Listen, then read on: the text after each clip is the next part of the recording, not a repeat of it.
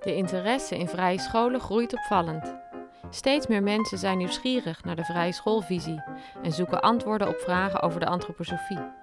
Graag deel ik met je de kennis en ervaringen die ik heb opgedaan als vrije schoolleerling, vrije schooljuf en vrije schoolmoeder. Ik ben Eveline, moeder van drie jongens en blogster van Everyday Mommy Day en Waldorf Inspiration. Je vindt me via YouTube, Facebook, Instagram en mijn website everydaymommyday.com. Je luistert naar mijn podcastserie over leven met de antroposofie als inspiratiebron. Inzicht in de onzichtbare werkelijkheid. Het is inmiddels meer dan 100 jaar geleden dat Rudolf Steiner met zijn waarnemingen over het leven een hoop teweegbracht onder een grote groep mensen. Maar logischerwijs is niet iedereen enthousiast. Het feit dat de antroposofie gestoeld is op het werk van één mens, is voor veel mensen reden om de antroposofiebeweging met argusogen te bekijken. Hoe kan het dat één mens zoveel mensen weet te inspireren? Moedigde hij werkelijk mensen aan juist veel vragen te stellen, hem niet te volgen, maar juist zelf te onderzoeken? En is het ook voor mij mogelijk tot een groter inzicht in die onzichtbare wereld te komen? In vorige afleveringen van deze podcast heb ik verteld over dat wij mensen volgens de antroposofie leven in twee werelden. We leven in de materiële wereld, waarin onze fysieke verschijning zichtbaar is, en de immateriële wereld waar onze geest, onze individualiteit woont. De ziel is de verbinding tussen die werelden en maakt ons in staat om ons via het denken, het voelen en het willen in dit leven uit te drukken. De goddelijke kern in mij is volgens de antroposofie in staat te reïncarneren. Incarneren, ofwel het Latijnse werkwoord incarnare, betekent het weer in het vlees komen. Onze geest is dus in staat weer in het vlees te komen, zich te ontwikkelen in meerdere aardse levens door verschillende keren een nieuwe fysieke jas aan te trekken. De fysieke wereld en daarin onze fysieke verschijningsvorm is maar een heel klein stukje van wat er is en wie wij werkelijk zijn. Een veel groter deel behoort tot de immateriële, of ook wel geestelijke wereld. Het is een onzichtbare wereld waarvan elke mens het bestaan wel kent, maar waar de dimensie ervan een groot raadsel is. We kunnen slechts raden naar de onzichtbare kracht die schuilgaat achter dat kleine pitje, dat tot een enorme boom kan groeien. We weten dat sommige dieren een extra zintuig hebben die hen in staat stelt bijvoorbeeld een epileptische aanval bij mensen te zien aankomen. We weten dat zoiets als aantrekkingskracht tussen mensen bestaat. Dat we iemand kunnen voelen als die achter ons staat en naar ons kijkt. Dat er mensen zijn met overeenkomstige bijna doodervaringen. En dat ieder mens een eigen intuïtie heeft, een innerlijke drijfveer, een gevoelsleven, een gedachtenleven, die uiterlijk onzichtbaar blijft.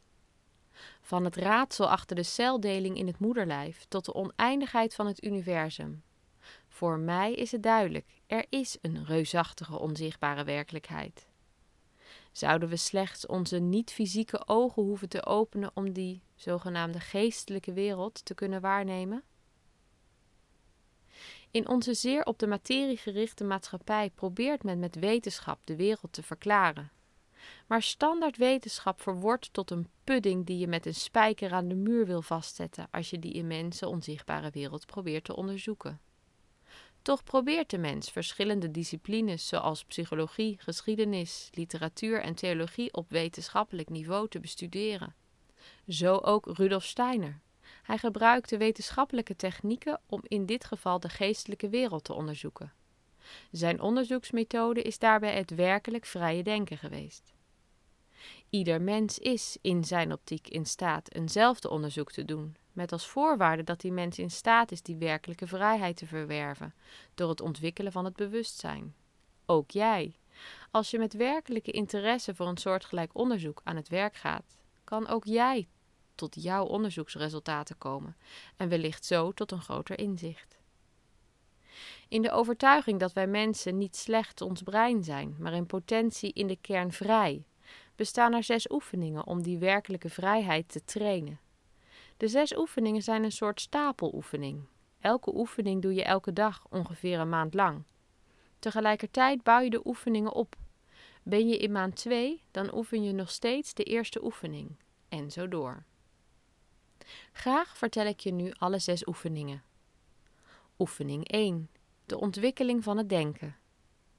Wil je de vrijheid in het denken ontwikkelen, dan moet je de focus van je gedachten trainen.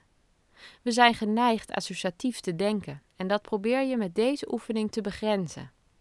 In deze oefening focus je op een alledaags voorwerp en daar probeer je vijf minuten lang over na te denken. Wat zie je? Wat kan je met het voorwerp? Hoe is het gemaakt?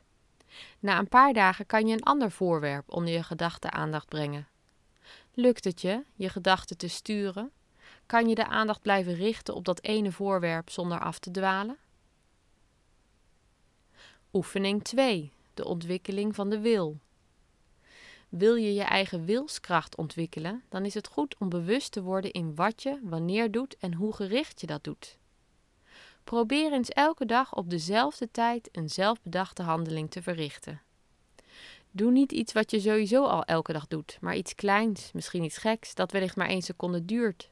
Draai bijvoorbeeld je ring om of verwissel twee stoelen aan tafel. Sta je zo bewust in het leven dat het je lukt aan die handeling te denken en het ook nog eens op tijd uit te voeren? Oefening 3. De ontwikkeling van een ontspannen gemoed. Wil je je eigen gemoedstoestand trainen, dan is het goed te proberen meer gelaten te zijn in het dagelijks leven. Probeer minder mee te gaan in de dramatiek van de emoties en probeer meer in jezelf te ontspannen. Het is niet de bedoeling dat je in je gemoed afstomt, maar dat je met meer bewustzijn stilstaat bij je gevoelsleven.